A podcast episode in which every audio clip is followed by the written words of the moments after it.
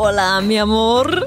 Hola, señorita. Skal jeg si god kveld i heimen, eller tror du folk kommer til å høre denne podden i morgen tidlig? Eh, mest sannsynlig i morgen tidlig, kanskje. Mm. I don't know. Noen av venninnene mine hører på den. Ja, nei, men sånn er det når eh, alle skal på møte. Mm -hmm. Viktig businessmøte. Ja. Mm. Når jeg hører venninnene mine, de sier at de hører på han eh, om morgenen før de skal til jobb. Så nå må du pusse tennene dine godt, Rikke. Shout out! Oh. ja, koselig. Men velkommen skal du være, du som hører på nå, til en ny episode av Sexløs og singlish. Mhm, Dette er podkasten som eh, drøfter ting angående kjærlighet og dating og relasjoner og livet for øvrig. Mm. Og Martine, du har jo kjent på en lita stikk fra oven, oven denne uken her. Å, fy faen. I helgen så var jeg sjalu for første gang. Og det kan jeg umulig tro at du bare har vært sjalu én gang i livet. Jo. Hæ? Det, det, vet du hva, det nekter jeg å tro. Jeg kan ikke huske at jeg noensinne har vært Å uh, oh ja! Jo, OK, jeg har vært sjalu en gang før. Har du det? Ja. Yes, for dette her er et tema som vi skal ta opp i dag. Ja. Ja. Altså, unnskyld at jeg klapper for din sjalusi, for jeg er sånn her hu-hu, yes. Ja, men det er jo gøy. Nå har vi et tema å snakke om. Ja. Um, det var jo forferdelig å kjenne på, men jeg vil aldri kjenne på det igjen, så det skal vi jobbe med i dag. Mm. Hvordan bli kvitt sjalusien? Hva gjør du når det oppstår? Hva er den rette måten å reagere på? Mm. Da lover du mye. ja, men jeg trenger hjelp av deg, så nå er det bare du som må hjelpe meg. Ja, ok. Jo, eh, takk skal du ha. Ja, Ja. Bare hyggelig. Men eh, en annen ting vi skal snakke om, det er dette her med kjærlighet i gamle dager, Mm. på en måte. Ja, altså hvordan de hadde det før i tiden. Hvordan, hva som funka for de eldre. For jeg var jo i bursdag til Olga på 100. Mm. Olga var litt grann vanskelig å prate med. Eh, litt grann borte i natten. Så jeg snakket med lillesøsteren. Lillesøsteren hun var 94 Ja. Og et Alvhild. Alvhild.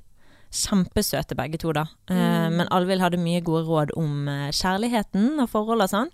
Så jeg tenkte vi skulle høre litt på hva hun hadde å si om det. Mm. så drøfte litt sånn om, om kanskje forhold eh, Hadde de det bedre før i tiden, eller har vi det bedre nå som vi er mer singel og gjør det slutt? Mm. For hva er greia med det? Altså, skilsmisseraten har jo gått veldig opp, da. Oi, heierne. Ja, jo eh, eldre vi blir, holdt jeg på å si. Ja. Eller eh, ja, nærmere 3000, holdt jeg på å si. Så eh, det er jo spennende å drøfte akkurat det. Men aller først, Martine, hvordan har du det? Jo, jeg har det fint. Du har det? Eh, ja, jeg har det veldig fint, faktisk. Jeg har det så fint. I dag var jeg hos en, heter, en Terje Elvik. Shout-out til han òg. Han fortjener det. Han var den som fikk Cecilia Brekkhus tilbake igjen på, på beina igjen. For det, i 2004 så var det mm, Så var det sånn at hun fikk beskjed av alle legene om at de, hun ikke kom til å kunne bokse igjen fordi hun var helt ødelagt i ryggen. Å, Så uh, ingen som ville ta i henne, ingen som ville hjelpe henne, for det var så en skjørt sted, da. Altså på rygg, i ryggbeinet. ja, har jeg ikke fått med meg. Nei, ikke heller, men det er jo lenge siden 2004 eller noe sånt. Vi var jo Mm. 14. Uh, men da, um, da hjalp han henne tilbake. Hun begynte jo å lære seg mer om dette her, da. Så han er da muskelterapeut. Mm. Så han har jo litt vondt i ryggen og sånn, sant. Og så var det en kompis av meg som anbefalte meg å gå til han. Så nå har jeg fått hele radiostasjonen inn der. Å, Ja, så jeg var hos han i dag. Så ja, han snakker om veldig mye interessante ting, altså. mm. det Så- funker. Ja, det funker veldig, og han har jo rett opp, han har jo sagt til meg at jeg er sånn der hyper eh, eh, Hva han kalte det? Hyper... Mobil? Ja. Hypermobil. Sånn, at jeg kan bøye ledd, og jeg har lange muskler og Ja, du, ja. det. Og så er jeg sånn talent Hva det han kalte meg? Talentpasient. Fordi at eh, jeg bøyer så veldig fort tilbake igjen, da. Mm. Mm. Så ja, nå kjenner du mestringen ja. på topp fordi at du er hypermobil og er flink pasient. Ja. Ja, ja. Jeg bare sånn uh, Jeg får sekser på skolen. Ja. Litt sånn følelse. Nei, men altså, jeg har det bare helt grisebra. Adrian kjøpte blomster til meg i går. Hva Ja. hadde han gjort? Nei, han har ikke gjort noe, men han bare liker meg så godt da, for en eller annen merkelig grunn. Jeg skjønner jo ikke helt det. Oh. Apropos sjalusien. Men får du ofte blomster? Nei, han har kjøpt blomster til meg tre, gang, eh, tre ganger. Ene gangen var rosa på bensinstasjonen når vi hadde kranglet. Mm. Andre gangen var bare for eh, to måneder siden eller noe sånt. Og så nå. Ja. Men det er ganske ofte. Dere har jo ikke vært sammen så lenge. To år. Ja. Ja, men man skal jo kjøpe blomster. Kjellemann, min kollega, kjøper blomster til kjæresten sin eller konen sin hver fredag. Nei, Jo. vet du hva? Hvor mye galt gjør han? Jeg tror ikke gjøre noe galt. Nei, jeg bare Og det er sånn teit. deres Jeg vet det, men du, dette her liker ikke menn. Jeg vet Og der eh, var det mange sånn, Vi hadde sånn valentinsgreie på jobben, sant? Mm. og alle mennene bare å, alle heiv seg på og ville kjøpe noe til fruen sin. Og det var liksom to av tre var sånn «Ja, Hva er det du har gjort nå? Ja, men det er jo sånn, fordi at det er en klisjé. Det er jo ikke det at jeg tror Ja, du fikk det gratis. Eller det var liksom ingen som, ingen som tror på romantikk lenger, Ja, men da. sier de det? Altså, jeg ville jo ikke sagt det hvis jeg hadde fått blomster. Så hadde jo jeg sagt takk. Jeg hadde jo ikke sagt sånn Gud, hva dritt har du gjort nå? Fikk du det gratis? Altså, det er jo dårlig gjort. Ja, det er dårlig gjort. Ja. Skjerpingskvinner. Og Mm. ja, skjerpings-L, Ja. egentlig, rett og slett. For uh, ja, jeg er jo da tydeligvis ikke så mye bedre selv. Men har romantikken dødd, da? Hm? Er romantikken død? Ja, men er romantikk blomster? For meg er det det. For Ja. deg er det kanskje ikke det. Altså For meg er romantikk blomster, det er stearinlys, det er massasje. Jeg er den største klisjeen av de alle, og jeg tar hjertelig imot det med åpne armer. Mm. Eh, men vet du hva òg romantisk hadde vært for meg? Du vet sørlandschips, sant? Mm. Den type chips som er bøyd. Mm. Det er mye sånn produktplassering her i dag, Er det? Martine. Ja. Oh, ja. Men det kan, kan være den Rema 1000-chipsen òg. Det er de som er bøyd, i hvert fall. De som er Mm, sånn De er de beste. Ja, og jeg har sagt til Adrian at hvis du en dag plukker ut av de som er bøyd, og putter det oppi en skål til meg, så viser du at du virkelig elsker meg. Han bare Det er noe alvorlig i veien med deg. Nei, men, men vet du hva, det er jeg helt enig i. Altså, ja, fy fader, det er så romantisk. Hadde jeg fått en bukett med bøyde chips, oh my god. For det er der all den der krydderblandingen ja. kommer ned i. Ja, og så er det konsistensen, for det, det, det er akkurat som det er mer eh, crispy, eller mer sånn Mer inni munnen, da. Mm. Men har du, har du fått det? Nei. Han syns jo jeg er gal som sier sånn. Han skjønner jo ikke det i det hele tatt. Ja, men Hvis han ikke skjønner det, hvorfor kan du ikke bare gjøre det? sant? Altså Hvis du ikke har oppdaget at disse chipsene er de beste, så hvorfor kan du ikke bare leie de til siden? Mm, Mhm. jeg syns han skal gjøre det. Ja. Men hvordan går det med deg? Jo, jeg har det tipp topp, tommel opp. Uh, vet ikke. Det Er det noe nytt? Nei, det har vært langhelg, da, så jeg har bare nytt livet. Um, har eh, Du tok fri fredagen? Yes. Åh, deilig. Mm, superdigg. Men en ting som har eh, sjokkert meg litt i det siste Altså, OK, vent litt. Jeg må si deg først. eh, jeg må si det jeg mente først, holdt jeg på å si. Hvilke dyr føler du deg som, Martine? Løve. Løve. Jeg er en løve. Ja, det, det ser jeg for meg at du er ditt indre dyr, men jeg har funnet ut i helgen at løver er noen rasshøl. Å ja. Men det er Mm. jeg. Ja, men altså, for jeg har også tenkt det at løver er de beste dyrene, men for første gang så har jeg sett på sånn naturprogram på TV. Mm. Har du noen gang sett sånne naturprogram? Nei. Nei. Eller ikke sånn Jo, men ikke om løver. Nei, altså, det var sånn om- safari Jeg har sett om, om, om, om fisker og sånn. Å ja. Men dette var sånn i jungel i Afrika. De har vel ikke jungel i Afrika? Jeg vet ikke. Har de det? Nei, savannen. Savannen. Savanne. Ja, og det som løvene gjør Altså, vet du hva? Dette åpner programmet med, og jeg sier sånn Nei, jeg gidder ikke å se på det, det er så kjedelig. Og så sitter de fine løvene der med det eneste vannhullet i liksom mils omkrets. Så der må alle dyrene komme for å drikke. Men der sitter løvene og ruger på dette vannet, sånn at det alltid er utrygt for alle andre dyr. Og så kommer da sebraen og lille sebraungen spaserende over, nytt føll og så glad i mammaen sin, og så kommer denne løven og spiser føllet. Og jeg gråter og gråter og tenker hva faen slags drittverden er det vi lever i? Det er De er nå mye hyggeligere enn det vi er. Altså, de gjør nå bare det som er livets gang. Mens vi, hva er det vi gjør da?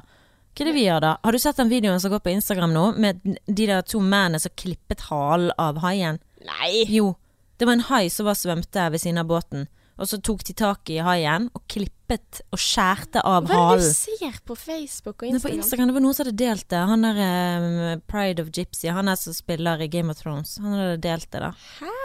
Men det er jo, altså, det er jo mishandling. Men altså, der er det på en måte sånn Men vi er verre, mener jeg. Altså, det der er naturens gang å spise hverandre. ja. ja, men altså, hvis du hadde sett det programmet altså, Jeg Mm, lurer ja. liksom på om de som kommenterer disse dyreprogrammene, om de bare finner på ting. For det var liksom sånn derre David Attenborough. Ja, dette var på norsk i tillegg, da. Så var det sånn derre Å, denne sjimpansen. Denne sjimpansen har blitt norsk. utstøtt av eh, familien sin. Hun får ikke lenger se sitt eget barn. Og det som er problemet, her sitter hun i treet og ser ned på familien sin og ungen sin, men lederen i gjengen er ikke, er ikke grei med Ja, jeg vet jeg er dårlig på å etterligne. Jeg kunne aldri vært sånn kommentator. Men, men den derre eh, Hun sitter i treet, ser ned på ungen sin som blir mishandlet av lederen i gorillaflokken. Mm. Og så sitter hun der, og det er ingenting denne gorillaen, som har fått et navn selvfølgelig på TV, kan gjøre med det. Og jeg sitter der og Å, fy faen, det er så jævlig! Verden er så grusom. Men så tenker jeg også, kanskje de bare sitter og finner på, jeg vet ikke, at de prøver å gjøre det sånn menneskelig. Nei, sant? nei, det skjer sånne ting. De gjør det. Ja. Mm. Gorillaer er jo helt forferdelige med hverandre ofte. Ikke den som satt i treet. Nei, Mm. Men forskjell på folk. Men kjærligheten, da blomstrer han? Er du fremdeles eh, sammen med kjæresten din? Jeg er fremdeles sammen med kjæresten min, og eh, vi har vært sammen i ni år. I dag? Nei. Ah, nei. Nei, I april, eller Å oh, ja. Et eller annet. Har ikke sagt noe? Har ikke dere feiret det? Eh, jeg husker ikke datoen. Så oh, der er min romantikk, da. Apropos. Ja, hva hva er romantisk for deg? Det har vi snakket om før, egentlig. Jeg bare husker ikke hva du sa. Nei, jeg vet ikke. Det er vel de små tingene som du sier. At hvis eh, han hadde spart opp de krøllete chipsene, Mm. sant? altså hadde det vært en sånn ting, oh my god. Men det har jeg ikke spurt om, da. Men det er jo sånn som du sier, de der overraskelsene, de eh, Og det trenger ikke å være um, ting. Altså, Mm. Selvfølgelig jeg setter pris på blomster og massasje og stearinlys og sånne ting, men det der å bare sette av tid til noen ting som er litt utenom det vanlige, Ja. det hadde gjort meg så glad. Men jeg vet ikke om jeg vil si romantisk. For Vet hva er romantikk? Vet du hva som er romantisk? Vet du hva Ja. jeg syns er romantisk? Hvis du skal gi mannen romantikk, da. mm. Blowjobs. Gi mannen masse blowjobs. Det, jeg fikk sånn åpenbaring. Bare Guri. eh, Nå sitter du deg tilbake igjen. Du bare 'Dette vil jeg ikke høre på'. Men det er Ja, men virkelig. Vi må nødt til å tenke litt mer på mannen og gi de det de vil ha. Mm. Blowjobs. Give it. Kvinner, let's do this shit. Og ikke tenke så mye på hva vi ikke får, men tenke på å gi. Og ja. Jeg bare Ja. Det tror jeg er romantikk for menn, altså. Mm. Jeg tror hvis en dag for uh, mannen, så Nå snakker jeg veldig generelt, da. Det blir kanskje litt Men stereotypisk. tenk at skal vi komme oss videre? Ja, vi skal komme oss videre. Ja, OK, fortsett, eh, Martine. Så er det å bare ligge i sengen og ha en øl og bestille pizza. Og det høres ut som tidenes klisjé, men det her høres veldig hyggelig ut i mitt hode. stereotypisk. er Så stereotypisk. Og Ja. bare, bare masse sex hele dagen. Og så se litt på film, og så sex, og så se film, og så sex. Men du sa det var din det favorittdag, eller så Nei, tenkte nei, du at alle menn menn er sånn? det. Ja, nei, det tror jeg ikke. Nei. Nei. Det høres veldig hyggelig ut, i hvert fall. Ja. Men uh, uansett. Vi går videre, vi.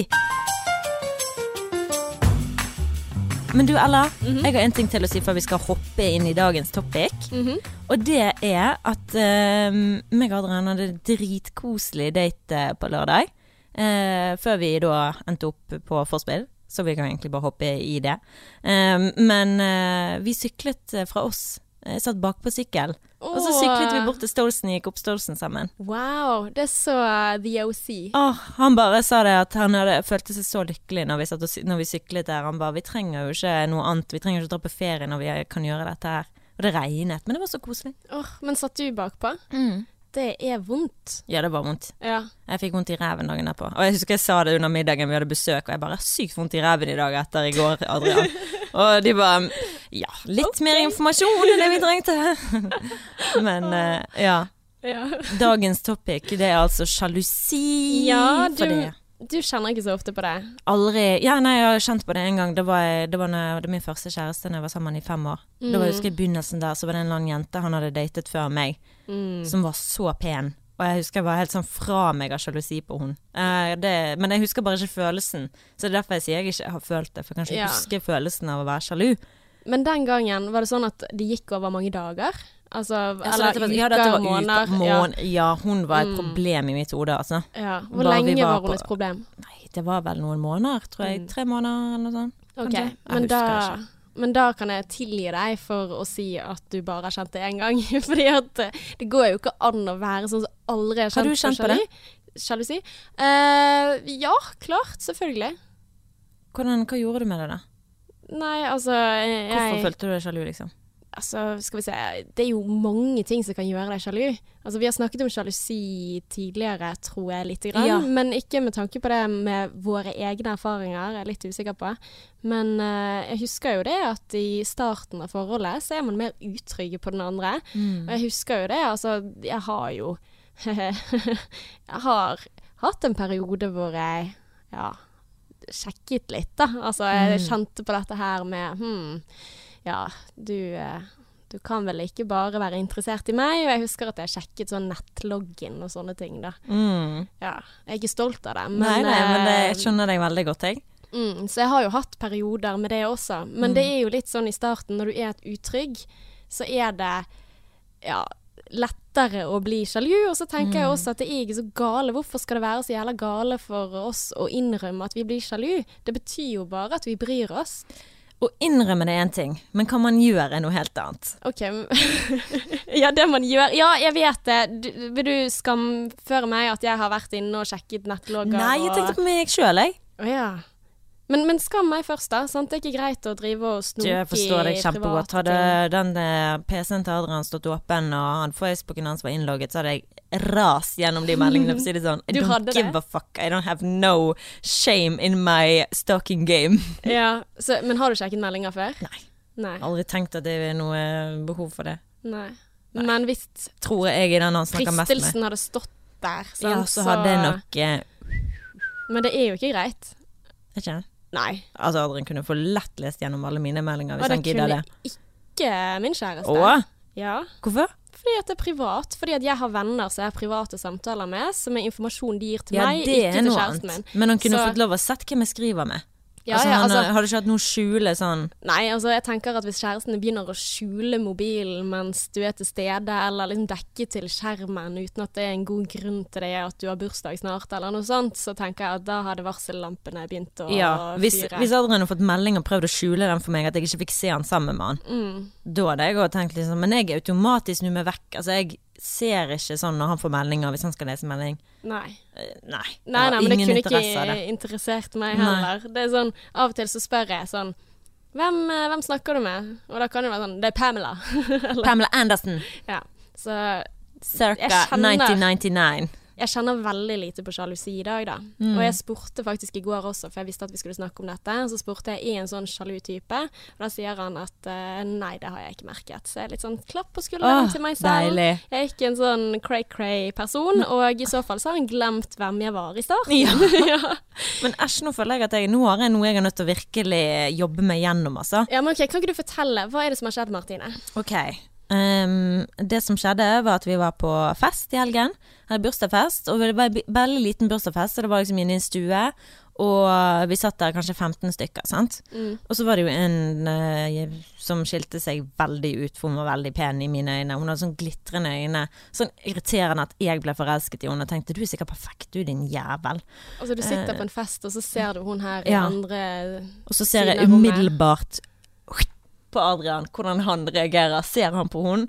Og så føler jeg liksom at han ser to sekunder ekstra på henne. At han er litt sånn At han har lagt merke til henne, at han kanskje er litt sånn der, eh, tøysete, eller Det kan være det oppi mitt hode, men jeg føler i hvert fall at han har lagt merke til at hun er pen.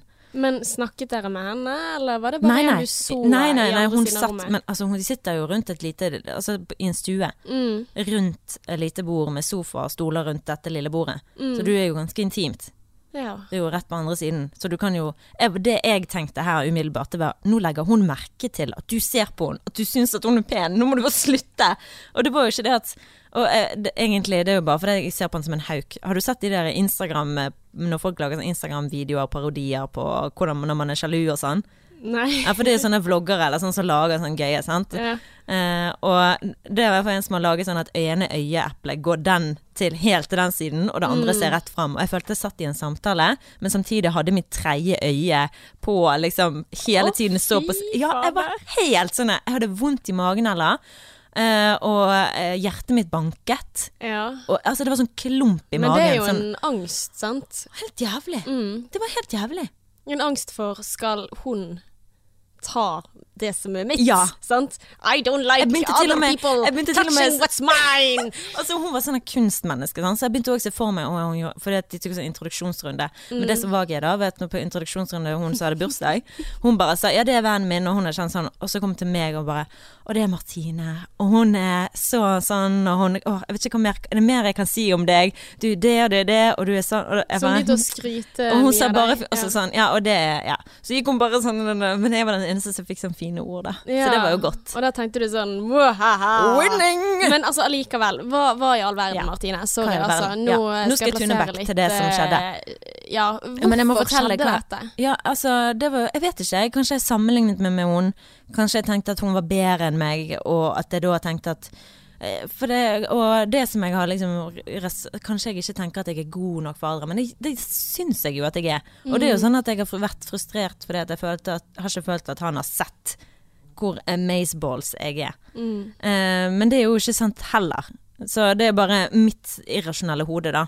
Alt gikk jo i surr for meg. Jeg var jo helt klikkemodus. Jeg sa jo stygge ting til han òg. Men hva er det som skjer, Martine? For det at når du Sorry. For en helt irrasjonell tanke. Altså, hva er det som skjer? For du begynner plutselig å tenke at denne jenten her, hun er for pen. Ja. Og han ser på henne to Ja. sekunder ekstra. Hun her er en trussel. Ja. Altså, hva, hvor kommer det fra? For det er jo helt Altså, det, det er jo ikke reelt. Nei. Altså, og so what om hun var So pen? what, ja. altså- Og selvfølgelig, han er jo bare mann. Alle menn kan legge merke til, og alle kvinner. Jeg gjør jo det, jeg òg. Men det som jeg satt og følte på da, det var at hvis hun da legger merke til at han ser på hun, og det er veldig tydelig at meg og han er eh, et par, så er det pinlig for meg. Da driter han meg ut. Så da er det mer egentlig hun du er redd for å skulle liksom Ja. være dårligere for. Ja. Mer enn at du tenker at hun kan stjele din kjæreste. Ja. Så det er på en måte litt sånn sammenligning, litt sånn rivalisering. Litt sånn der løvene mot hverandre. Det er jo helt teit. Men det som jeg Jeg må bare fortelle mine synder. Men hva Og gjør du, ja? Det som jeg sa til Adrian, det var sånn uh, Are you enjoying the view? Og han bare What? Og så begynner han å bare smile og bare se på meg og sånn Jeg bare ja, mm. Så bare snur jeg meg, sant. Sånn sånn bitch. Og så Men skjønte han hva du mente? For jeg har Ja, ikke han skjønte hva jeg mente. Han skjønte hva jeg mente. Og det òg var som bekreftelse for meg, når han da med en gang skjønte hva jeg mente. Mm. Og så um, var det da neste jeg sa 'once a dog, always a dog'. Kom med en sånn kommentar til han. Unnskyld. Jeg vet det, det er stygt sagt. Det er så ufortjent òg, sant? Han Ja, har men- gjort noen ting for å gjøre meg sjalu. Overhodet ikke. Mest lojale menneske. Han bare Men hvor lenge sitter du der og koker? koker helt, helt til hun går. Seriøst, Og i mange hva? timer? Nei, vet du hva. Jeg var så heldig, og jeg følte Gud var med meg. For det at Gud bare Hun må fjernes fra dette forspillet. Du vet jeg er ikke religiøs, men jeg tror jo på universet, jeg tror på Gud, sant? Ja, og så må du tenke på det hardt nok. Nei da, men i hvert fall så skulle vi deles inn i grupper, da, for vi skulle uh, ha et sånn quiz. Ja. Og, og jeg bare tenkte sånn Helvete. For det skulle ta sånn 1, 2, 3, 1, 2, 3, og så skulle vi jeg bare, Hvis de havner på lag nå, så tilter det for meg. De skal ikke få snakke sammen. Jeg var helt sånn der ko-ko. Jeg bare sånn hva gjør jeg nå? Nå er ikke hun i rommet. Og så, kommer, så sier hun 'Å, du må sette deg ned, for nå skal vi dele inn lag'. Og hun bare 'Å, men jeg er nødt til å gå'. Jeg bare 'Å, nei'. Så med en gang hun gikk, sant, så var jeg bare sånn 'Å, thank God'. Og da sier jeg til Adrian 'Did your girlfriend just leave?' Og det verste var at jeg gikk ikke opp for meg før dagen etterpå. Jeg var ikke noe grisefull, ingenting. Så da vi delte en flaske vin. Så jeg har kanskje skylde på det heller. Men dagen etterpå så var jeg kjempeflau over meg sjøl. For dette her varte liksom Jeg sto ved det jeg følte. Men bare. hvordan reagerte han da, når du sier sånne Han bare ting? Brushet det av som den gentlemanen han er. Ja, men det er romantikk for meg. Ja. Tenker jeg At du ikke går inn i den krangelen. For han kunne jo da blitt litt sånn fy fader, hva er det som feiler deg? Mm. Altså, hva tror du om meg? Sant? Altså, noen kan jo gå rett i forsvar når de blir anklaget for å Ja, det, han ventet med det til vi kom sikle. hjem. Okay. Ja. Men da sa han òg liksom Hvordan du snakker til meg? Jeg fortjener jo ikke det. Okay. Å si liksom eh, dog, denne greien, kommentaren med 'once a dog, always a dog'. Hva i helvete har jeg for å fortjene det, liksom? Ja, unnskyld. Ja, det er jo helt tragisk. Eh, Jeg vet ikke, jeg- var bare rasende inni hodet mitt. Men Åh, samtidig og det verste er at du kjenner hun der jenten her, så jeg på, for jeg stalket henne. Åh? Må Instagram. Åh, da må jeg få vite hvem det er etterpå. Åh, jeg bare Men- innrømmer all min sånn Jeg føler at jeg er så usikker nå. Det er så ugreit å være sånn. Men, men. Ja. Nei, sorry. Men jeg har veldig pene venninner. Ja. Mm. Mhm. Men du er en av de. Takk. Mm. Ja, man skal ikke sammenligne seg sjøl med andre. Men jeg har tatt stor lærdom av dette. Jeg skal ikke være hun bitchen som snakker sånn til kjæresten sin. Ja, men nå må du slutte å være så streng med deg selv. Det du har kjent på, er sjalusi. Det er et monster som tar over, og du er ikke aleine om å ha de følelsene der.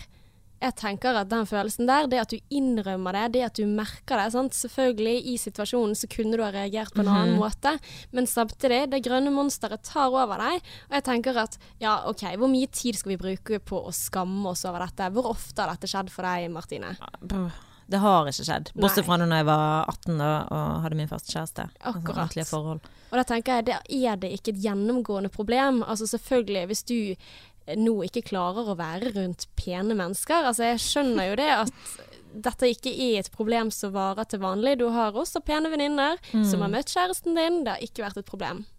Men hun var sånn grisepen. Syns ikke hun er kjempepen? Vi skal ikke snakke om hvem dette er. Nei, men hun er jo pen. Ja, du viste meg jenten på forhånd. Hun er veldig pen. Ja. Men det er du òg. Ja. Mm. Men ja, ja. Mm. Man skal ikke sammenligne seg selv. I know. Mm. Ja, men også samtidig, herregud, det fins jævla deilige damer overalt i Mm. verden. Ja. Og han har valgt å være med deg. Ja. han har jo det. Og det med en gang hvis man da skal utelukke, hvis prosjektet ditt er å eliminere alle digge damer i verden, så er du dømt til å mislykkes. Mm. Og da kommer det an på, på en måte, altså hadde dette gått over, altså blitt en sånn fobi mot pene damer, hva kan du gjøre da? Da, da går jo det bare utover deg selv. Ja. Men hva skal jeg gjøre da? Hva skal jeg gjøre i en sånn situasjon når jeg da er rasende? For det har jeg tenkt på. Hva kunne jeg gjort annerledes? Mm. Istedenfor å komme med sånne bitchy kommentarer og, og og snakke sånn. Jeg har ikke lyst Men du må sagt, være litt Ja, men du må være grei med deg selv, da, nummer én, sant? Altså du må ikke se på deg selv som en bitch nummer én, tenker jeg da. Men jeg, jeg bare føler at det trenger jeg å høre. Det fortjener jeg å høre. Ja. Skjønner du? altså du tenker at det er litt berettiget skam da du kjenner på. Mm. Og det, det, det ser jeg jo, for det kan jo skape litt trøbbel for både kjæresten din og deg selv. Altså hvis du fortsetter å gjøre dette her hver eneste gang, men det tror jeg ikke du gjør. Mm. Men der er det på en måte når disse situasjonene kommer, så kan du finne ut OK, er dette her et ekte problem, eller er det et tenkt problem? Mm. Jeg spør deg. Mm. Er det ekte, eller er det tenkt? Tenkt.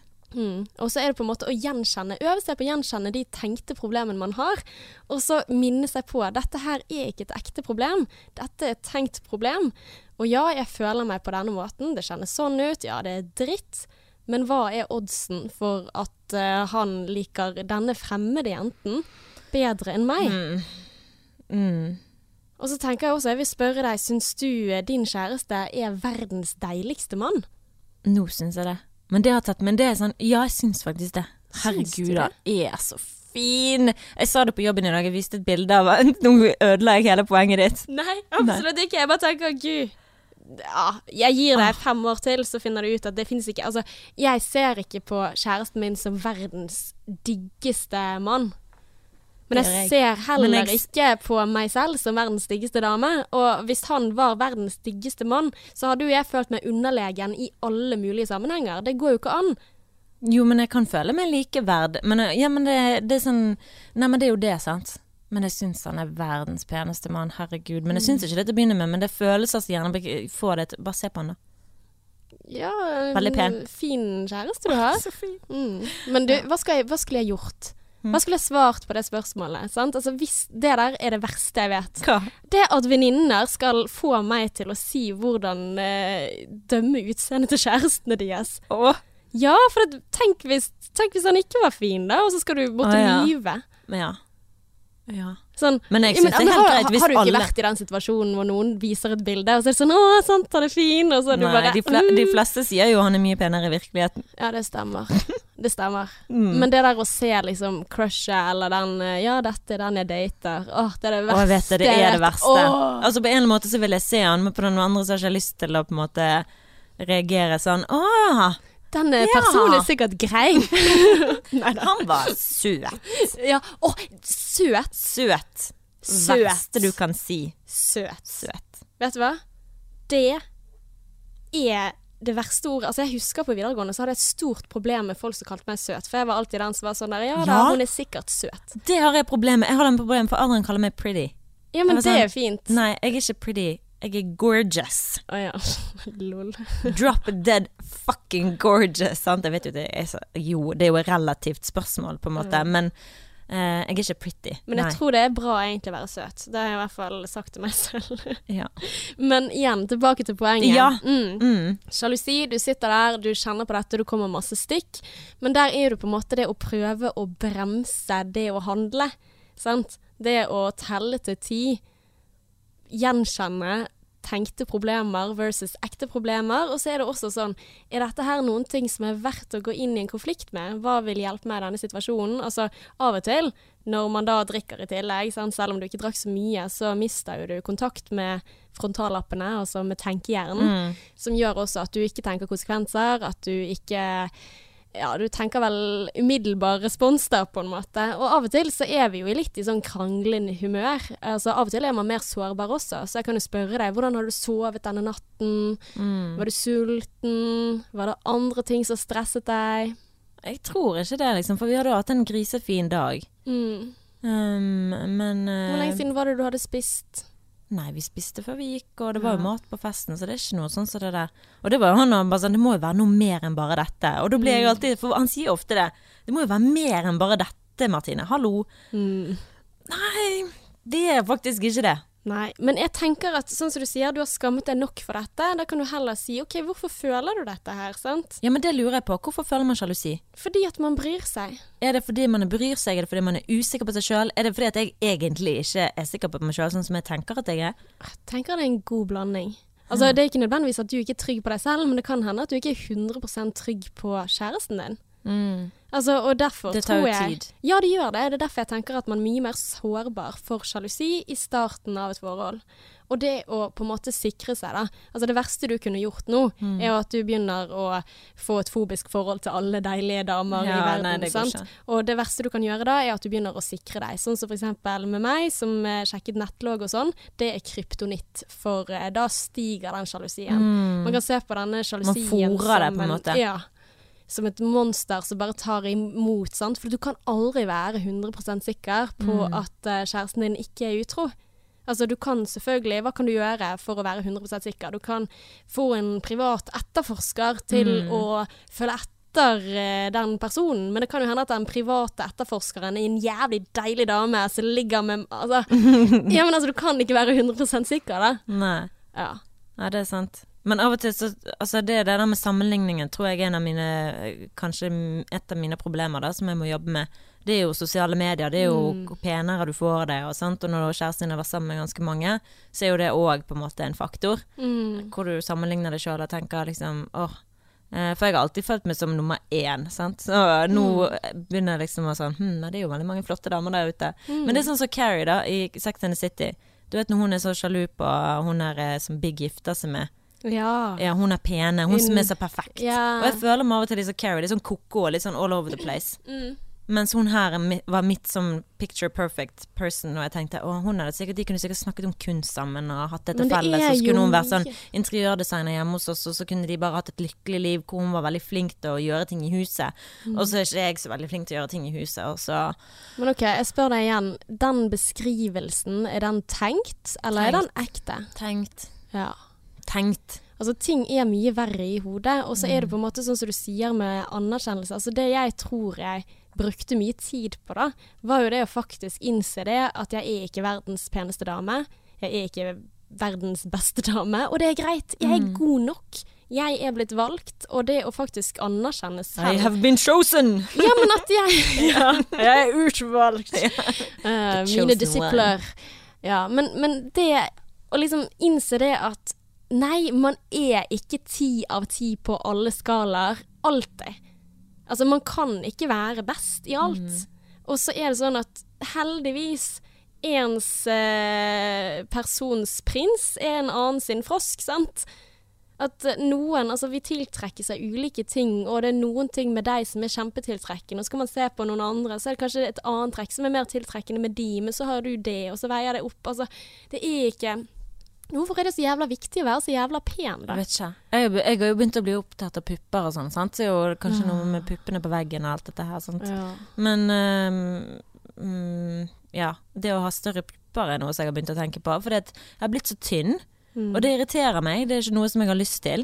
Og det høres kanskje teit ut og Jeg bare himler med øynene. men altså, jeg bare, Å nei, jeg blir så sur. Ja, men jeg syns ikke det er noe fint når ting går mer innover enn utover. Jeg syns det er kjempefine former. Jeg syns det er fint eh, med pupper som liksom er fylt, og ikke på en måte begynner å sæge fordi man begynner Men å bli 30. alle former har sin sjarme. Jeg Ja, siterer jo, hvis jeg skal være politisk korrekt, så kan jeg godt si det. Alle er flott på sin egen Ja, måte. men det også- mener jeg faktisk fra hjerteroten min. jeg altså. kan mene det når jeg ser på andre, men det er jo helt annerledes når du ser på deg sjøl. Ja.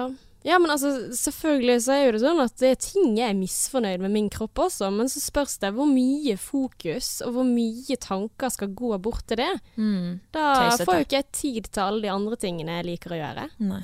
Det er Så det er jo på en måte litt sånn OK, hvor mye tid bruker du på dette av dagen, og hvor mye ønsker du å bruke tid på det? Og så er det på en måte sånn at tanker, ja, de kommer og går. De kan ikke vi gjøre noe med. Altså, de eh, Det er ikke noen tanker som er nei-tanker, og andre som er ja-tanker. Tanker er bare tanker, men så kan du bestemme eh, hvor mye oppmerksomhet vil du gi disse tankene? Mm. Det kan du styre. Mm. Men du kan ikke styre hvilke tanker som kommer. Altså, av og til så kommer det tanker om, eller påtrengende ting om at Mm. han kommer til å finne seg en annen, og så ligger de sammen på den måten, og så blir man helt gal i hodet. Men så er det hvor mye oppmerksomhet, hvor mye fokus skal du Hvor mye næring? Og der er jo det sånn at sitter man hjemme Jeg har kjent på det en gang hvor jeg har hjemme og følt på det at nå er det noe som skjer på en fest som jeg ikke er med på. Altså den der følelsen av at ah, nå, da tar monsteret over. Og så er det på en måte, jo mer jeg også prøver å bli kvitt den tanken om at nei da, eller jeg tenker ikke det, nei da, det skjer sikkert ikke, men det er bare sånn å, jeg orker ikke å tenke på, jeg orker ikke. Da er det ofte også et større problem, for da sier jo jeg at nei, den tanken får ikke være der. Mm. Men det jeg burde ha gjort, det er jo bare sånn at ja, det er en tanke, og jeg aksepterer den, og la den liksom Gi den mindre oppmerksomhet, sant. Selvfølgelig, shit happens. Det kan skje. Mm. Skjedde ikke, som jeg vet om. Men det kan fortsatt ha skjedd. I don't know, sant. Men det å la den tanken gå, det er et jækla godt poeng. Mm. Og så òg det der med å, å tenke liksom Sånn som jeg alltid sier, det med djevel og engel. Sant? Hvem har du lyst til skal være din venn? Mm. Hvem er din venn?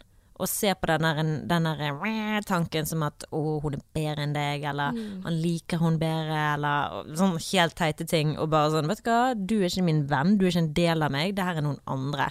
Bare Mm. dytte den tanken vekk, for den trenger ikke være en del av deg. Den blir en del av deg når du tenker på den for mye, og når du handler ut ifra den tanken. Mm. Da blir det deg. Da blir det deg som Da representerer det meg. Så når jeg da istedenfor å, å, si sånn der eh, once a dog, always a dog, og sånne ting som jeg sa da, Mm. kunne godt holdt kjeft, og så hadde det blitt med en tanke, istedenfor å gjøre handling ut av den tanken. For da blir det meg, da blir det noe jeg har sagt. Og det som eh, nei, kollegaen min sier, Kjellmann, det du har sagt får du aldri ta tilbake. Det er sagt. Men samtidig så gjør, er det ikke sånn at vi er det ene eller det andre. Jeg tenker at ja, når du har gjort en handling, så har du gjort den handlingen, men det fins jo heldigvis mekanismer som kan begrense de handlingene vi gjør, sånn som dette her. Jeg tenker at du er ikke en jævlig person selv om du gjorde en litt dum ting, fordi du kan si dette angrer på, og unnskyld, jeg er flau. Du kan forklare hvorfor gjorde jeg dette. Ja, jeg var sjalu. Hadde du sagt sånn nei, jeg er aldri sjalu, sant? Eller fornektet det. Nei, du er bare en dritt, sant, som driver og sikler etter andre damer, sant. altså, da tenker jeg at ja, nei, da har ikke du innsett problemet, og da vil ikke eh, han forstå deg heller, for da er det bare kjeft. Men du har tatt det steget og innsett noen ting som er ganske skamfullt for veldig mange, å si høyt. Mm, Hei, jeg var sjalu. mm.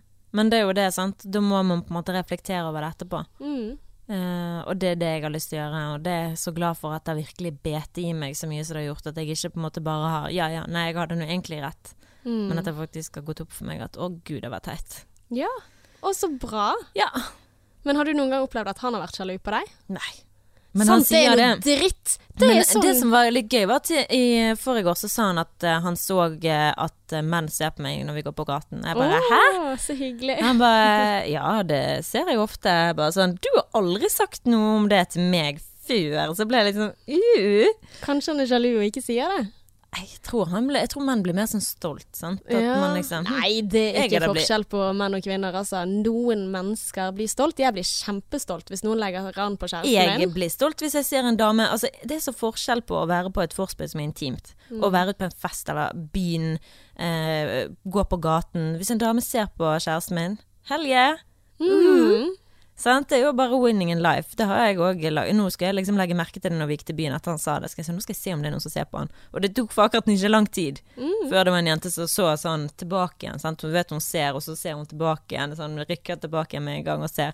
Oi, sånn, skummelt, ass. Det er at folk sitter og følger med på hvor du ser, og så tenker de at du er en sånn person som sikler på kjæresten min. Ja ja. Men uh, det jeg skulle si, var at um, jeg kunne av og til ønske at kjæresten min var mer sjalu. Altså, det er ingen som vil ha en sånn Du vil ha det du ikke kan få, på en måte. Altså hvis, du, altså hvis du hadde opplevd det, så tror jeg du ikke hadde likt det. Jeg har aldri opplevd å være glad for at kjæresten min har vært sjalu.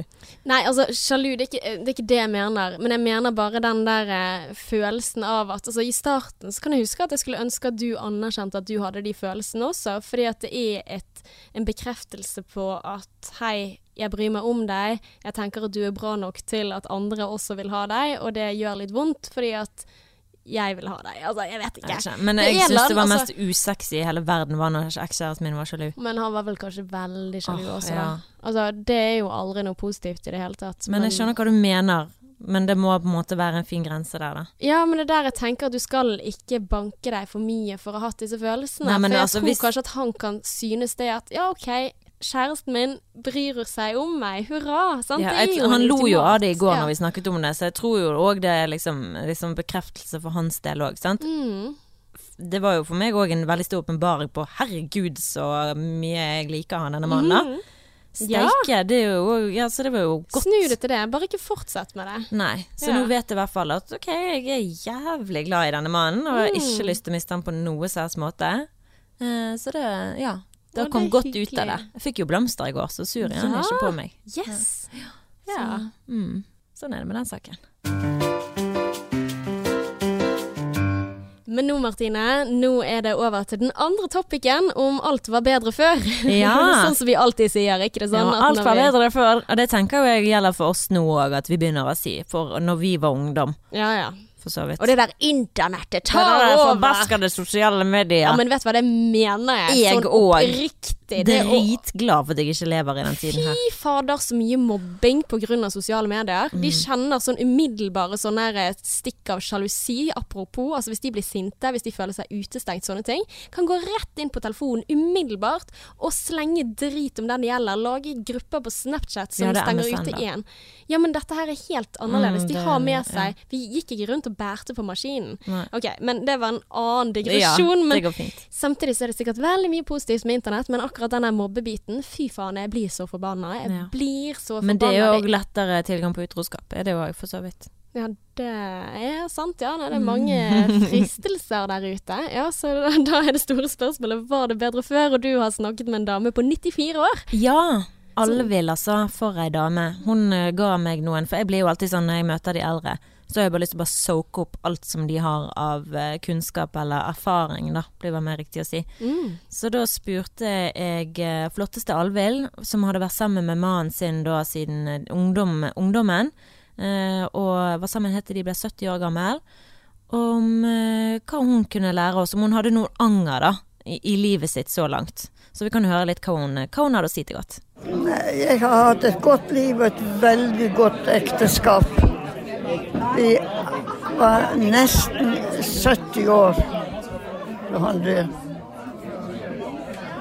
Ja, og det i, i, i 28. Nei, det, Hvor lenge var dere sammen? hva? Hvor lenge var dere sammen? Fra vi gikk på skolen. Oi, wow. Ja, han var to år eldre bare. Hva var det som gjorde at dere klarte å holde sammen så lenge? Det skal jeg si. Han var veldig beskjeden, så han skulle ikke vise noe sånt. Men når vi gikk på skolen, så skulle han alltid ha meg med på leker, enten på ute, hva det var for noe. Så måtte jeg være med på hans lag eller sånn. Alltid meg med det. Så han var to år eldre, og da ble ikke det noe da. Men vi visste det. Han likte meg, og jeg likte han ifra vi var unger. Jeg ville helst være i lag med han på skolen. Og, men jeg tenkte jo ikke så langt da. Men eh, da, da jeg var komfortabel, og ja, et år etterpå, eller to år etterpå, da Da, da, da tørte han.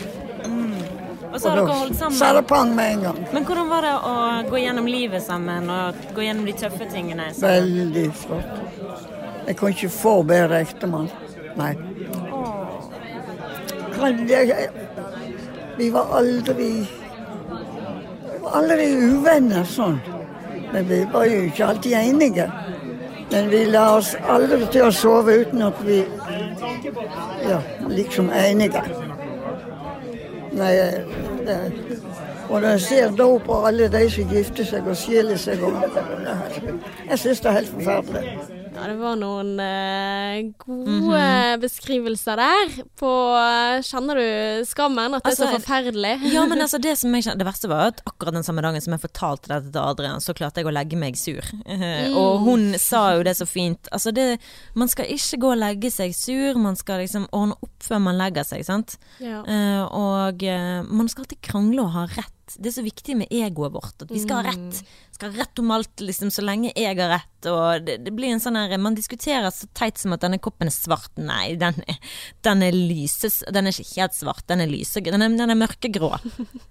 Men det er jo så teit. Ja, men du sier jo det at det er jo en kultur for det der selvrealisering, og, og selv hvor vi er Meg. Ja, og så Mm. vi, har vi dårlig tid. Vi har så mye vi skal rekke over. Sant? Så har vi tid til da at folk skal eh, Ja, altså hun mener jo Hun sier jo faktisk i klippet at uh, vi krangler mer, men det tenker jeg ikke gjelder alle. Tror ikke du folk kranglet før i tiden også? jo, men kanskje om litt større ting. Um, enn en at altså sånn, For nå så skal jo alt være delt. Mm. Du tar ikke oppvasken. Før i tiden så var det veldig sånn du tar de oppgavene, jeg tar de oppgavene. Og jeg syns det er en veldig bra greie. Hjemme hos oss så er det jeg som lager maten, det er jeg som vasker opp. Og det er helt greit. Jeg vasker klær, jeg vasker bad, jeg vasker alt. Han gjør aldri vask, men han gjør absolutt alt av det huslige, så å si. Ja, Eh, altså så sånn han, Dere har et ganske sånn konservativt eh, kjønnsfordeling, altså. Men det er jo bare sånn basert på kunnskap og hva man liker best å gjøre. Ja, men Han, det er jo ikke sikkert at alle par liker Nei, eh, men jeg- kvinneoppgaver Jeg sier ikke at kvinner skal gjøre kvinneoppgaver. Jeg sier at man burde fordele oppgaver, Ja. sånn at man har litt klarere grenser. Så det slipper å bli sånn at 'å, du har ikke vasket koppen din, du har ikke satt koppen i oppvaskmaskinen'.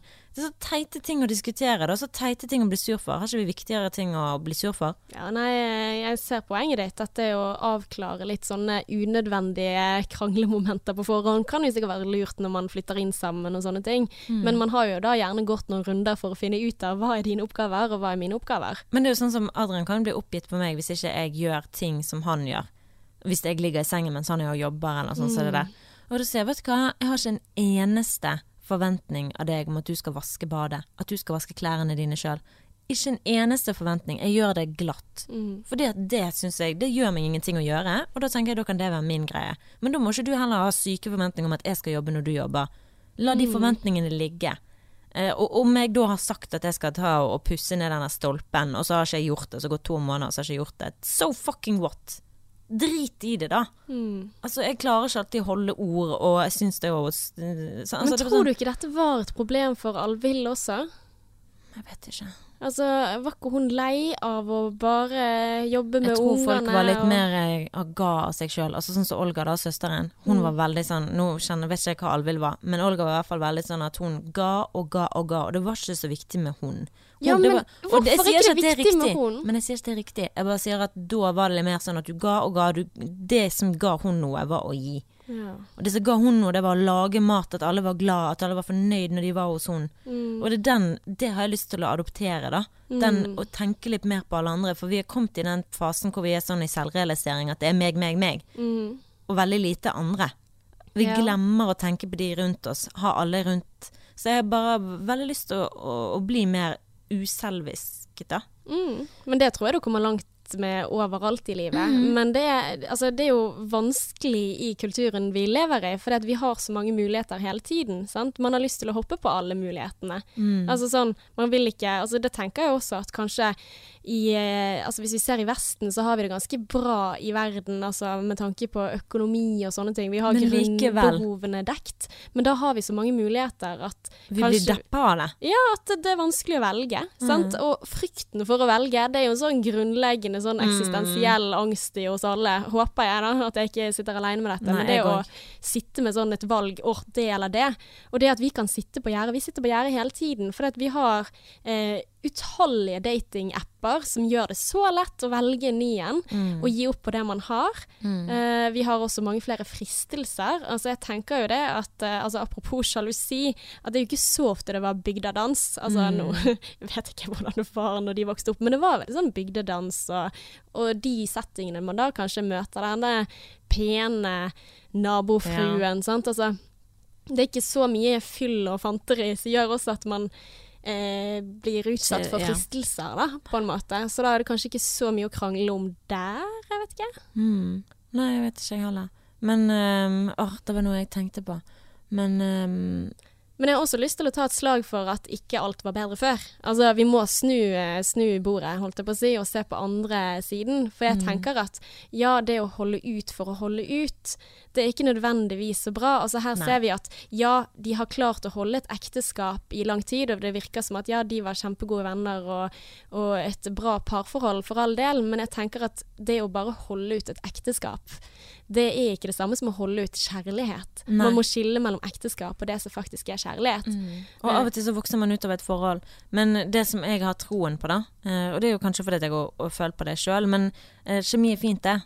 Og kjemi kan være noe som varer, men kjemi kan òg være noe som går over. Men det som ikke går over, er verdien av et menneske. Så det som jeg føler jeg har gjort, som jeg tror jeg er på riktig vei nå, da, det er at jeg har da valgt en person basert på ikke nødvendigvis kjemi og første kjærlighet med første blikk, Mm. um, men uh, en person som jeg beundrer, og som jeg ser opp til, og som jeg syns er et bra menneske. Sånn at det mennesket og verdiene kommer aldri til å forandre seg. Det er liksom det grunnmuren i denne mannen, da. Mm. Og at da den kjærligheten og kjemien har heller vokst. Annet enn at jeg har en kjemi, og han skal leve opp som person til de, den kjemien og de følelsene som jeg har for han. Mm. For det er jo det som er faren når du har kjærlighet med første blikk. Mm. At forventningene dine er bare helt insane in the membrane. Og så kommer motgangen, så er det sånn mm, Ja, du var sånn, du, ja. ja. Det ødelegger egentlig litt eh, de følelsene som jeg hadde, for de følelsene er jo bare flyktige. De kan jo forandre på seg. sant? Det som ikke kan forandre på seg, det er jo et forhold som man bygger opp over tid, som er liksom mye mer ah, Da fikk jeg en sånn følelse nå at det måtte jeg si. Ja, altså det å jobbe med de grunnleggende tingene, da. Sånn som du sier, at det der at man eh, forstår den andre, man lærer å kjenne den andre, vennskapet i bånd, det å være glad i den andre personen. Altså, det er de tingene som har noen ting å si, og ikke alle disse her eh, så du sier 'insane in the, in the membrane'. Eller, ja, det vet ikke, jeg klarer ikke å si det engang. Insane in the membrane. Og, ja, men altså at følelsene de kan jo gå opp og ned. Og, eh, men det der jeg sitter igjen med, hva er den vinnende formelen? sant? Altså Jeg tenker ikke at man skal holde ut bare for å holde ut, men jeg tror jo kanskje at de tidligere at det var så skambelagt f.eks. å skille seg, og det å offentlig vise at du hadde konflikter, eller altså mye skam knyttet til det å ikke klare å holde ut det ekteskapet. At det var også da færre som valgte å gjøre noe med det. At det hadde vært mange flere skilsmisser hvis ikke det var tabubelagt. Mm. Altså også i back then. Ja. altså, Garantert. Altså, det er jo ikke alle som er så heldige som eh, alle vil å ha en partner som du beundrer, eller som du Sånn som hun, som syns han var bare en fantastisk mann. men vi vet jo ikke om han altså, Jeg vedder på at det var noen år inni der. Det må jo ha vært noen Ja. år inni der. Det er det som- alltid. Men det er jo det samme med meg. Eh, og jeg har ikke vært sammen med han i 70 år, eller Mm. sånn som det. Men eh, det, bare, det at jeg beundrer han, betyr ikke at han er perfekt. Mm, Det at jeg eh, syns at han er magisk, eller at jeg, nå har vi det veldig bra, betyr ikke at vi alltid har det bra. nei. Det, er vel, det har jeg hørt, faktisk. At det som er giften i et forhold, Mm. det er forakt. Med en gang man da begynner å se ned på den andre, og så bli flau over den andre, og tenke sånn æsj, Ikke gjorde du det? respektere de. Ja, men at det er på en måte den kryptonitten da, som, uh, som uh, man Som er vanskelig å jobbe seg forbi, da, hvis du begynner å tenke litt sånn æsj. Mm. Men så er det på en måte det at det kan også gå over. Men vi har ikke ja. tid til å vente på det. de flere, det er så mange som burde gå til psykolog og gå til parterapi bare for å liksom prøve å bygge en bro før man gir opp, Mm, mener jeg virkelig. ja, Så, kanskje. Ja. Syns ikke du det? Jo, jeg tror jo at det er veldig mange som går til psykolog og går i parterapi. Mm. Jeg har i hvert fall hørt om par som har vært på randen, og så har de da gått til parterapi, og så var det sånn Oi, vi trengte bare en time, egentlig. Mm. Bare for å bygge den broen, bare for å forstå hverandre. Mm. For det, du trenger gjerne en objektiv part og bare se begge sine sider. Mm. Det er ikke alle som klarer å finne den siden, eller se den siden alene. Mm. Da trenger man en utenforstående. Ja, men det er litt sånn som man merker i eh, Altså, hvis man jobber med familier, da, som jeg jobber med innimellom, så merker jeg ofte det at uh, i noen saker så er det sånn at de trenger bare det rommet. Jeg trenger ikke å gjøre noen ting i det hele tatt, men det å sette av tid i seg selv. Bare det å ha en som tilskuer, på en måte. Jeg kunne vært uh, salsadanser, holdt jeg på å si. Og det, det hadde på en måte ikke hatt noe forskjell, for det handler bare om det rommet å komme inn i og sette av tid til at nå skal vi snakke Om oss. sammen. På en rasjonell og rolig måte, og ikke skrike til hverandre. Ja, men det kan også skje. Ja. Jeg skal love deg, det kan også skje. Men, uh, men, uh, men det å faktisk sette av tid, da, og faktisk eh, bruke krefter på å se den andre, forstå den andre, uten å nødvendigvis skulle løse alt med en gang. For der er det den der tålmodigheten som du snakker om. Det handler ikke bare i å eh, ja, være tålmodig med å date noen, men det handler også om å være tålmodig når du hører på den andre. Ja, og ikke være kjapp med å bryte inn og skulle liksom forsvare deg sjøl, for det er jo det man gjerne gjør. For man føler at når den andre personen skal åpne seg og fortelle sin side, så føler du deg angrepet. Mm. Ja, men du da! Ja, men du da! Mm. Men ett man triks kan legge den Mhm. Men det jeg bruker som ett triks Nå eh, avslører jeg hele hemmeligheten her. Mm. Men det er ofte sånn Man er jo ofte ganske sint når man er i en krangel. Man er ofte ganske sånn 'Å, fy fader, du suger balle Mm. dritt', sant? Altså Pøbel. eh, Ja. Jo, dag. Dag. Altså, men du sitter der og tenker din sak, men så er det det å sette seg til side og så si OK, er det ett argument som den andre kommer med, som jeg kan lytte til, og jeg kan anerkjenne? Mm.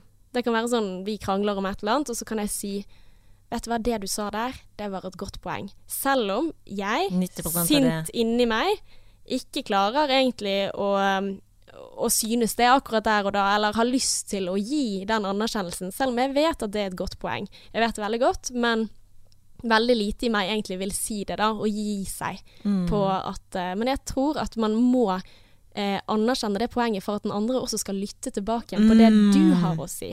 Så det å Mm. Veldig bryte bra, sirkelen Nei, vet du hva, dette her er manipulering på høyt nivå. Det er jo ikke det, du manipulerer bare deg sjøl, på en måte. Og det er jo en, en re...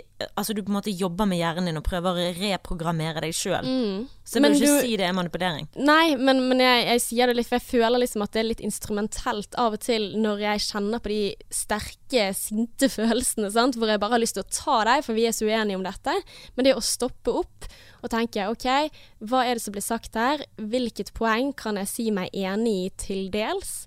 Og da er den andre også som regel mer åpen for å gi deg positiv feedback på at ditt poeng der var også litt riktig. Og ofte når man krangler, så krangler man bare, man stanger mot hverandre, og så er man egentlig ganske enige. Det er egentlig min erfaring, da, at man ofte liksom bare har en liten ting, og så har man litt lyst til å være sint og få berettiget det jeg ble sint for i utgangspunktet. Men så kan det hende at ja, det var misforståelse, eller det ble sagt sånn, men det var ikke det som var intensjonen din.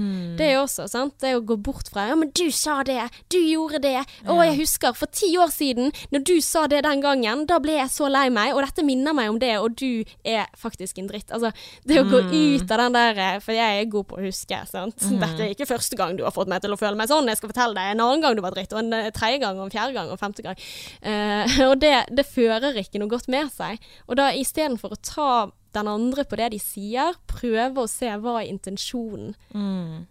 Det er supervanskelig, det er det. Men det trenger trening. Altså det tar lang tid å lære seg å snu mønstre, men det er liksom Man må bare øve seg. Gå ut av situasjonen. Tenke. Hvis jeg var parterapeut i denne situasjonen her, skal legge meg selv til side Ja, tenk at du du- skal løse det. Ja, eller hvordan, hva er det du sier, faktisk? Og hva, hvilket lille poeng kan jeg gi anerkjennelse for at nå var du smart, nå var du god? Mm. Godt poeng. Ja, men det skal vi ta med oss videre. Yes! All right, Oh god, det var en lang episode, men gud hvor gøy det var. Jeg har kost meg hvert sekund. Jeg. Jeg også. Én time. Jeg kjenner ikke at jeg er sulten lenger. Jeg er grisesulten. Har du kjent deg sulten i dag? altså, Jeg ble kjent meg Nå er jeg så sulten. Mm. I need food in my stomach. Men i starten, da var jeg så sulten at jeg holdt på å begynne å gråte. Men du skulle jo bare spist, da. Ja, jeg vet det. Men, eh, ja, og så begynner jeg også å bable veldig. Men nå ble jeg så engasjert at jeg bare Ja. glemte det. Jeg håper du som hører på har kost deg med denne episoden her, og at du har fått uh, noe ut av det. Det er jo derfor vi sitter her, i hvert fall for min del. Jeg uh, gjør denne podkasten her fordi at OK, så det, går det litt utover kjæresten min av og til, og utleverer han mer enn jeg burde. Og det er ikke det som er intensjonen min, når vi snakker om intensjoner. Intensjonen min det er at kanskje det jeg opplever kan hjelpe deg som hører på. Kanskje det kan gjøre forhold lettere å være i, for man lærer gjerne av hverandre. Og vi, at det at vi sitter og reflekterer over våre issues eller våre tanker og sånn, at det kan smitte over på andre, det er mitt mål. Og Mm. da er det verdt det. Da får jeg bare ta den diskusjonen med kjæresten min seinere. Har du ofte det? Sånne diskusjoner han har sagt til etterkant meg at, eh, eh, han har sagt at uh, Vet du hva, jeg vil ikke høre på poden din. For jeg vet at du kommer bare til å fortsette å prate om ting som jeg helst ikke vil at du skal prate om. ja, okay. Så da er det like greit å bare la den kampen ligge. ja. Så jeg respekterer han veldig for at han har gitt meg den. Eh, Ja. Så håper jeg at eh, jeg ikke går over streken, for av og til så vet jeg at jeg gjør det. Kan Ja. dele litt for mye. Men det er for the greater good, og jeg håper virkelig at eh, ja, du som hører på, får nytte av det, da. Mm. Jeg podder fordi jeg syns det er utrolig koselig. Ja, det er veldig koselig. Og så er det det å sette av tid, sant? sånn som vi snakket om, til å reflektere og tenke og se saker på forskjellige Altså fra forskjellige sider. Det syns jeg er spennende. Det å Mm. sette av tid til å reflektere litt. Altså Det var jo som jeg sa i begynnelsen av denne, eller før vi begynte å podde, at i dag så du kommer til å være på Adrian sin side, og det, det er jeg òg. Eh, for det er ikke alltid Man skal si til venninnene sine om man er uenig med dem og hvordan de har vært, og det Mm. syns jeg du har vært flink til å gjøre i dag, men du er veldig flink til å forstå meg, da. Jeg syns jo du forstår meg altfor godt, at eh, jeg tenker nei, du må bare ta meg, men samtidig så er jeg veldig glad for at ikke du går imot meg, for at av og til når jeg åpner meg til noen, så kan jeg føle at eh, de jeg har ikke lyst til å åpne meg for det igjen, for det, det er sånn åh, gjorde du det? Å, herregud. Ja, men vet du hva, da forstår jeg at han eh, blir irritert. Altså, er sånn du bare føler det verre. mm. Det er sånn, ja, men jeg har allerede sagt at jeg føler meg ille, liksom. Så det er veldig godt å fortelle ting til deg. Jo, Takk. Ja. Det var kjekt å høre. Men samtidig så tror jeg det at vi er jo bare mennesker hele gjengen. Mm. Altså vi har jo sånne tanker. Du er ikke aleine om å føle det på den måten, og det er jo utrolig forståelig at det skjer. Mm. Så jeg tenker liksom, hvorfor skal vi sitte og hakke på hverandre? Men du, du har jo en sånn reflektert måte å tenke på det i ettertid, og du skammer deg litt for mye, rett og slett. Tenker jeg. Men det er bare å håpe jeg lærer av det. Det er bare derfor jeg gjør det. For jeg vil at det skal gå inn. Mm. Men du trenger trening. Man lærer seg ikke å sykle i løpet av en dag. Rome wasn't built in a day. Nei, nei, det er sant. Og, altså, og der også så syns jeg det er digg at du forteller det, for det er så mye gjenkjennelig. sant? Det er fader ikke perfekt Mm. på noen som helst måte. Altså, men jeg syns det er veldig urettferdig at man skal si at man er bitchy og sånne ting. For det Ja, men jeg føler Du vet bare den der dramakjerringen i en serie. Jeg har ikke lyst til å være hun. mm, Ja, men det er jo en interessant karakter, da. Ja, I det minste. Ja. Men eh, det er ikke hun du ender opp med, det er hun du snakker om at hun var sammen med. Uff. Men det er det et ekte problem eller et tenkt problem? Tenkt problem! Yes, tenkt problem. Og tusen takk for at du har hørt på Sexløs og singlish. Ja. Vi er på Instagram, og vi er på Facebook, selv om vi ikke er så aktive der. Men send oss en melding hvis du har noen ting du lurer på. Noen tilbakemeldinger, ris eller ros. Altså, jeg tar imot ris også. Jeg trenger litt sånn eh, Trenger klask på baken. Hello. Men uh, vi blir òg glad hvis du er inne og stemmer og subscriber og gir oss stjerner på iPhonen din, inne på det som du gir tilbakemeldinger, om det er iPhone eller hva, Android, Android. eller hva det er. Ja. Men uh, det som du hører på podkast på mobilen din, hvis du er inne og stemmer og, og gir oss din tilbakemelding, så blir vi kjempeglade for det, og tusen takk for de som vi har fått så langt. Det varmer Oh my. God, ja. 100% altså, det, Noen sender melding til oss og bare bruker mye tid på å gi oss tilbakemelding, og det bare er sånn wow, shit. Tenk at noen gidder å bruke tid på å gi oss tilbakemelding sånn som det der. Er Godt i hjertet. Mm. Så tusen takk. Takk, takk, takk. Og Ja. så nå skal vi spise. Nå skal vi spise mat, mat, mat. Så until next time, Ella Bella. Ja, XOXO. Mwah.